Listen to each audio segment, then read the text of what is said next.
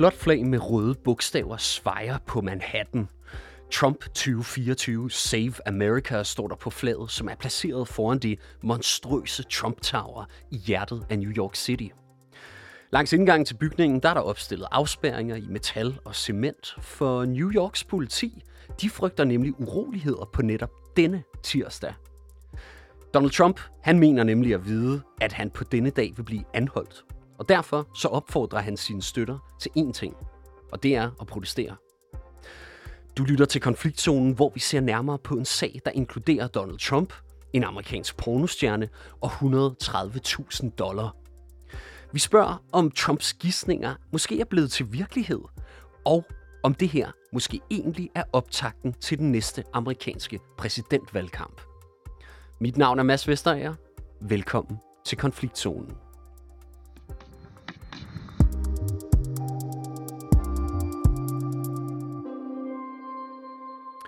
Den førende republikanske kandidat og tidligere præsident af USA vil blive arresteret tirsdag i næste uge. Ja, sådan skriver Donald Trump altså i et post på hans eget medie, det der hedder Truth Social. Og med det, der mente han altså naturligvis ham selv. Anne Alling, velkommen til programmet. Tak skal du have. Du er journalist i USA og er med os fra Nashville, Tennessee. Altså nu er det jo blevet onsdag, så øh, blev Trump arresteret? Det gjorde han ikke, nej. Og altså, var, det overhovedet nogen, var der overhovedet nogen sandsynlighed for, at det ville ske? Altså, han er ikke blevet arresteret, og han er heller ikke blevet sigtet endnu, hvilket han jo skal, før han skal, skal arresteres. Men øh, altså, der er helt sikkert stadig en mulighed for, at det stadig kommer til at ske, og langt de fleste, både amerikanske medier, øh, eksperter øh, på området, de regner også med, at der kommer til at komme en sigtelse mod Trump. Nogle amerikanske medier, de siger, at det bliver i, i dag, for jeres tid, altså onsdag. Andre siger, at, øh, at det bliver i starten af næste uge. Men det, som helt reelt finder sted lige nu, det er, at der sidder en, en grand jury, en stor jury øh, i, på Manhattan. De sidder lige nu og diskuterer, hvorvidt man skal rejse en sigtelse mod Trump. Og det er de blevet bedt om at gøre, fordi det her det er jo en kæmpe, kæmpe sag. Altså fordi det er en sag mod en tidligere præsident. Så man overvejer det altså virkelig, virkelig grundigt.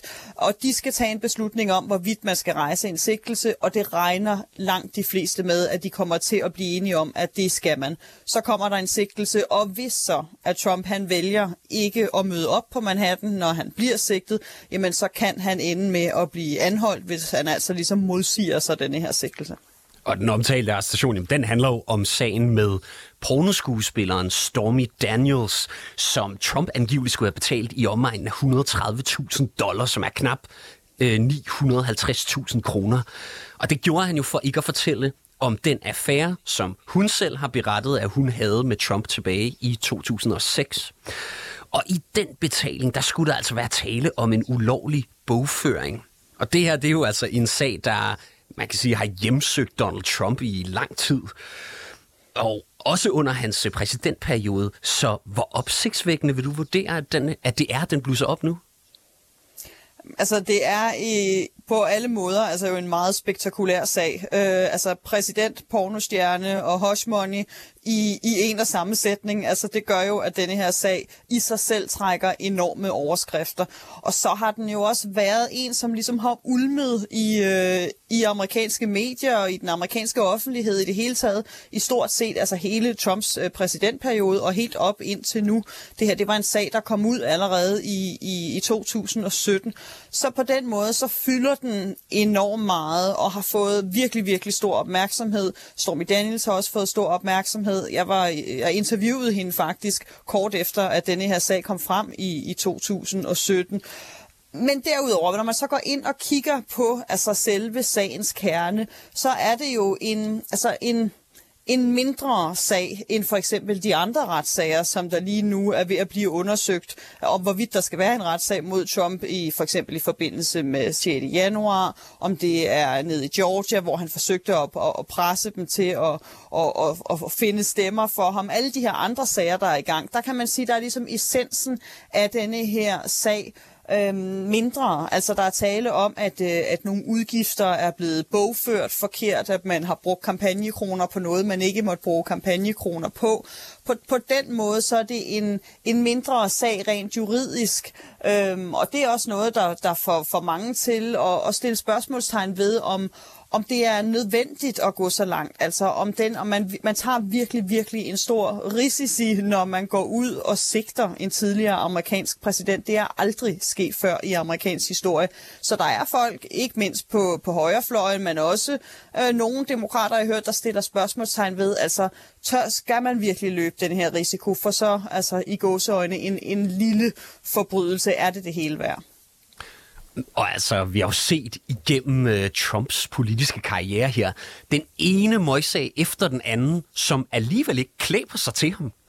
Øhm, og altså, vil den her sag komme til at, uh, at kunne klæbe sig til Donald Trump, og tror du overhovedet, det vil kunne få konsekvenser for ham? Altså, det der vil komme til at ske, det er, at altså, han først skal, skal sigtes.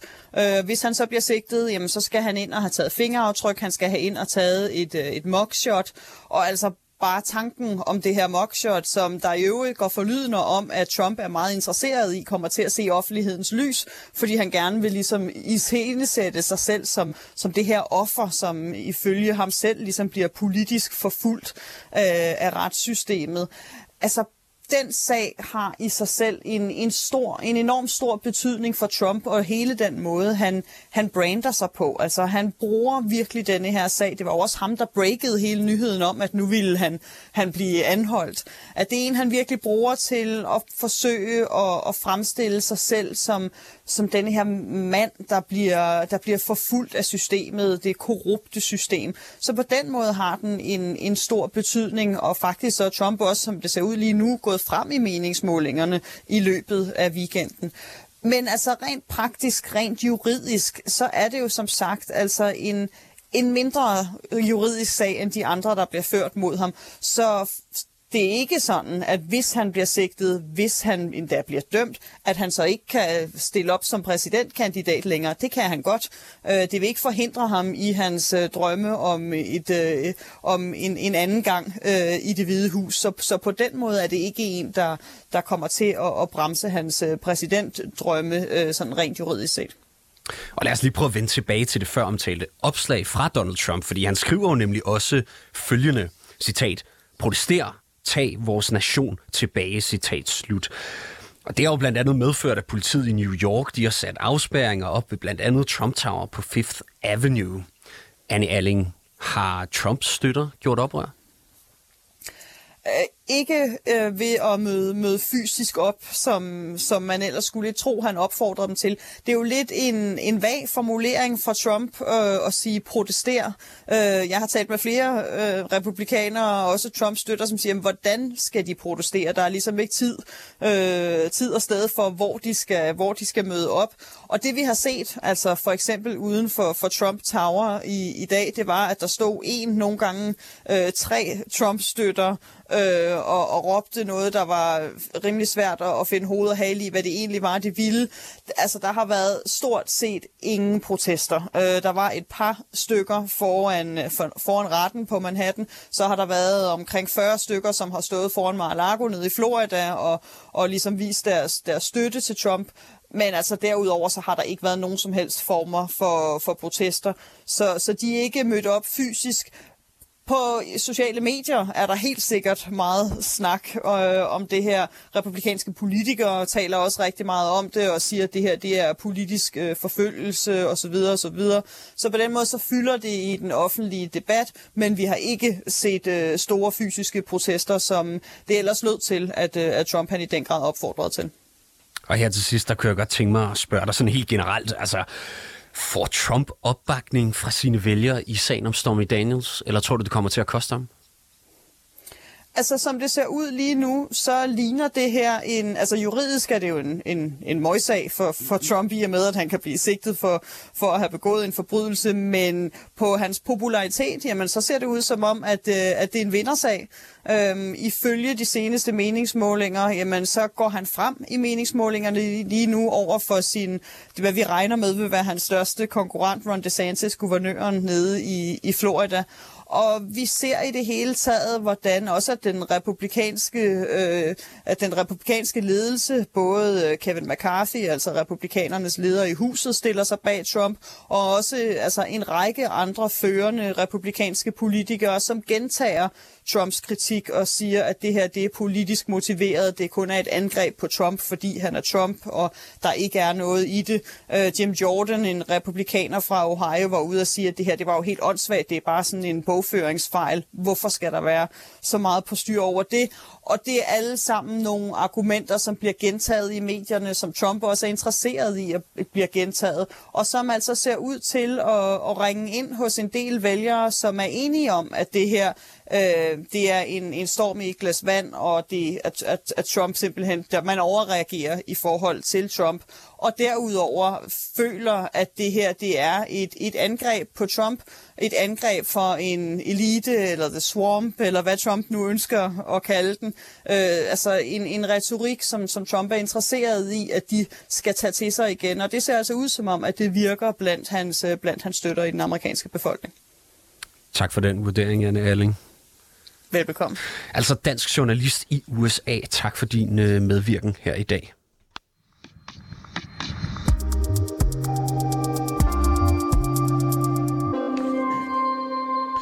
Og så kan jeg byde velkommen til dig, øh, Mads Dahlgaard Madsen.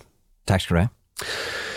Du er ledelsesrådgiver ved Rambøl med fokus på netop USA, og så er du jo tidligere indrigspolitisk rådgiver ved den danske ambassade i Washington D.C.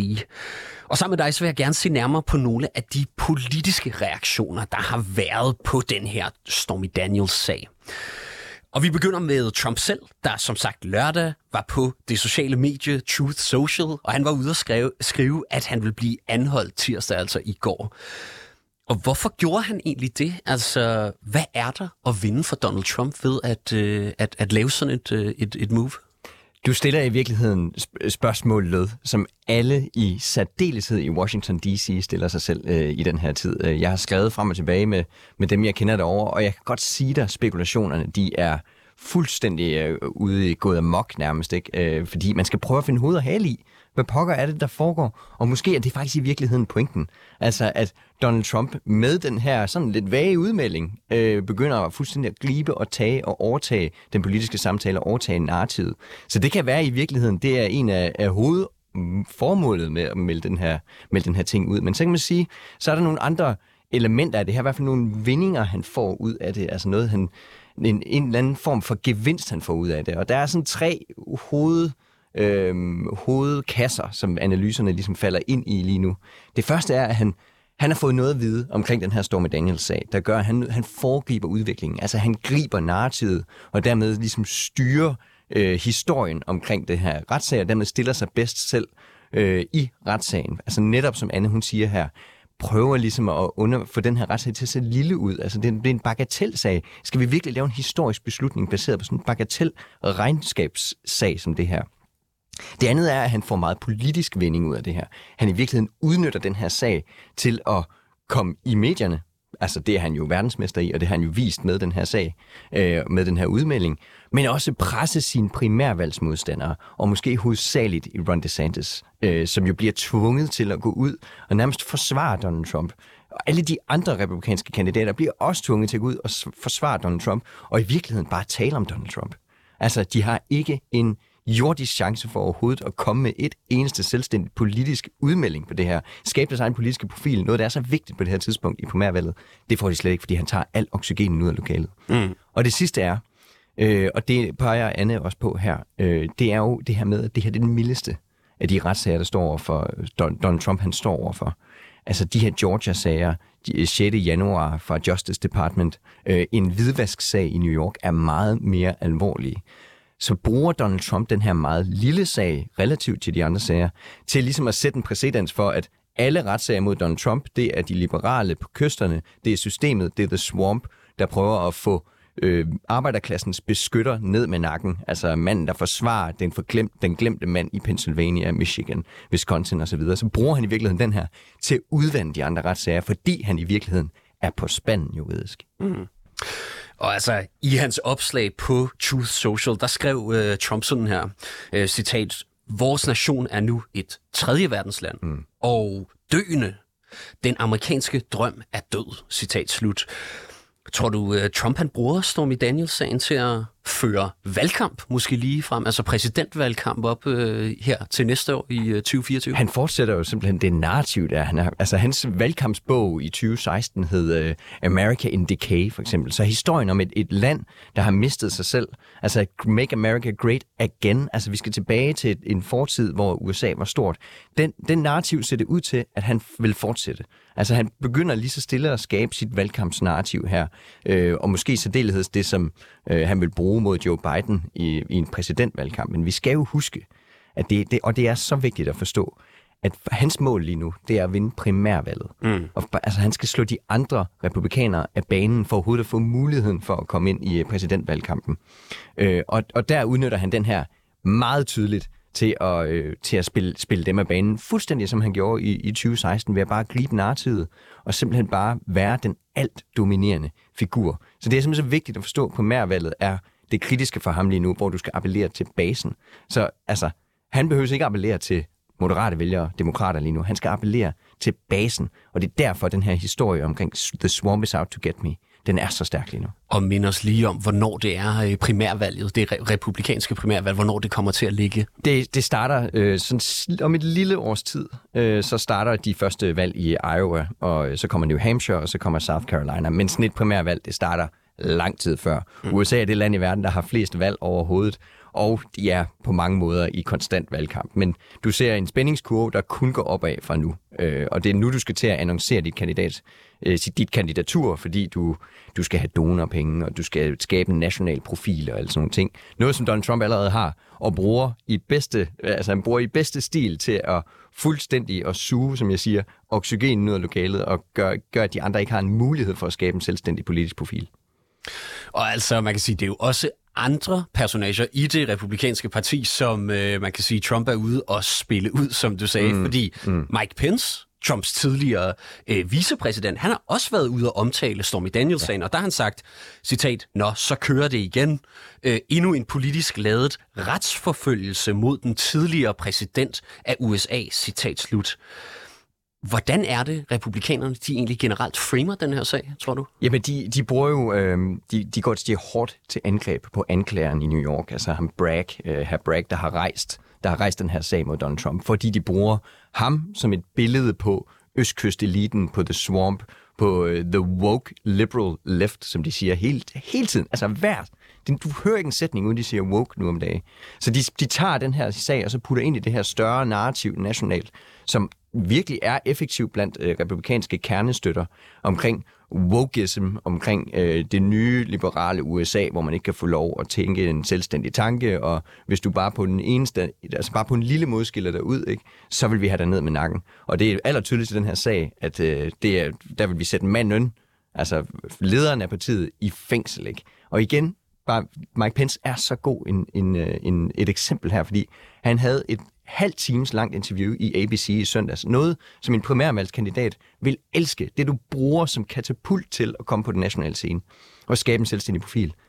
Ikke et minut i den halv times interview handlede om andet end Donald Trump. Hold da øhm, Altså, tror du, det her det viser egentlig, at Trump står stærkere end selv det republikanske parti måske ønsker? Det er spørgsmålet, men vi har faktisk stillet os lige siden han tabte i 2020, det er jo, har han mistet gnisten? Mm. Har han mistet den der evne, han havde i 2015 og 2016 til at være partiet, altså den altdominerende figur i partiet? Øh, og jeg snakkede med en demokrat i går, der sagde, jamen, han så, at historien var lige så langsomt ved at gentage sig her. Donald Trump er ved at lave øh, det nummer, han gjorde i 2015, fordi det var nogenlunde på det her tidspunkt. Jeg ved ikke, om I kan huske det, men Donald Trump han gik jo ud og angreb John McCain, øh, Øh, meget tidligt i øh, primærvalget i 20, øh, 2015. Og det var ligesom øjeblikket, hvor man ikke så sig tilbage, hvor det ikke handlede om Donald Trump på noget andet tidspunkt, øh, frem fordi at, at det var så spektakulær en historie at gå ud og angribe John McCain. At det her, det er nogenlunde på samme tidspunkt. Spænding, spændingskurven ligner den samme lige nu. At jamen, vi er i risiko for at ikke at skulle tale om andet end Donald Trump øh, frem til øh, primærvalget. Så ja, det her det viser, at han har stadig evnen til at komme ind og dum, alt dominere øh, det republikanske parti. Et, et eksempel er, at i, i den her uge, der havde øh, huset øh, republikanerne i huset havde sådan en, et gruppemøde, kan man sige, altså, hvor de skal sætte den politiske strategi for det næste år. De skal sætte strategien for de meget højt spændte gældslovforhandlinger. De skal komme med et politisk program og sådan nogle ting. Det har vi ikke hørt om. Fordi Donald Trump, han, fuld, han torpedoede simpelthen hele deres kommunikationsstrategi, og alt handlede bare om Donald Trump. Og lige her til sidst, altså, der kunne jeg godt tænke mig at spørge dig, hvordan demokraterne de så reagerer på den her Stormy Daniels-sag, og Trumps altså virkelig storladende udmeldinger på hans øh, sociale medier der, Truth Social. De har simpelthen så øh, svært ved at finde en øh, grimasse, der skal passe her, ikke? Fordi altså, det, er jo, det er jo så farligt for dem at gå ud og, øh, hvad kan man sige, hæppe på det her. Altså sige, yes, det er fedt, øh, vi, skal, vi vil gerne se øh, Donald Trump i, i håndlænker og bag trammer. Noget, som hvis du drikker en øl med dem, altså, det er virkelig idealbilledet for dem. Det vil de gerne, og man kan nærmest mærke på dem, at de lægger bånd på sig selv for ikke at gå ud og, og melde det her ud. Men det er jo netop for ikke at bekræfte republikanernes narrativ omkring dem, at det er politisk motiveret, det her. Så de, går, de er virkelig, virkelig påpasselige med at gå ud og melde noget ud. Men du kan se, mange af dem kan ikke, de kan ikke dyse sig, hvis du ser de meget liberale nyhedsshows, hvis du ser late night shows, hvis du, hvis du ser de meget venstreorienterede, de kan jo ikke dyse ud og gå ud og bekræfte den republikanske historie omkring øh, det her. Men det er jo sådan en som Joe Biden meget uinteresseret i, så derfor ser du ham næsten ikke reagere på det. Og helt kort her til sidst, øh, Mads Dalgaard, altså tror du, det kommer til at blive Trump eller DeSantis, der bliver republikanernes øh, præsidentnominee? Øh, Åh, oh, jeg plejer altid at sige, at et år i amerikansk politik, det er en lifetime, så man må simpelthen passe på med at forudsige noget som helst. Demokraterne er på en eller anden måde ved at gentage den her med at prøve at få Donald Trump til at være kandidaten. De vil gerne have ham, fordi de ser, at Joe Biden han er den bedste til at slå Donald Trump, ligesom han gjorde i 2020. Demokraterne er hunderad for DeSantis. Måske mest i alt, fordi han er 42 år gammel. Joe Biden han kommer til at være 82 den kontrast i sig selv kommer til at være rigtig, rigtig svær at overkomme. Mads Dahlgaard Madsen, mange tak, fordi du var med her i dag. Det var så lidt. Altså ledelsesrådgiver ved Rambøl med fokus på USA og tidligere indrigspolitisk rådgiver ved den danske ambassade i Washington D.C.